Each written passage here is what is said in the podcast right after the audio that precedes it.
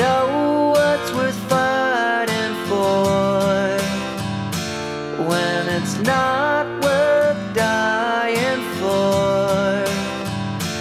Does it take your breath away and you feel yourself suffocating?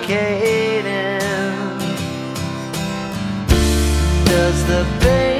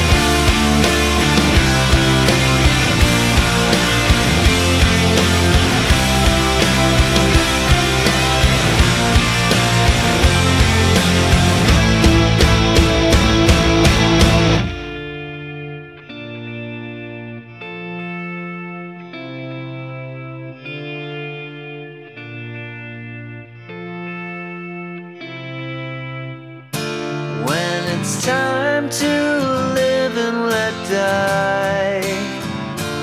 And you can't.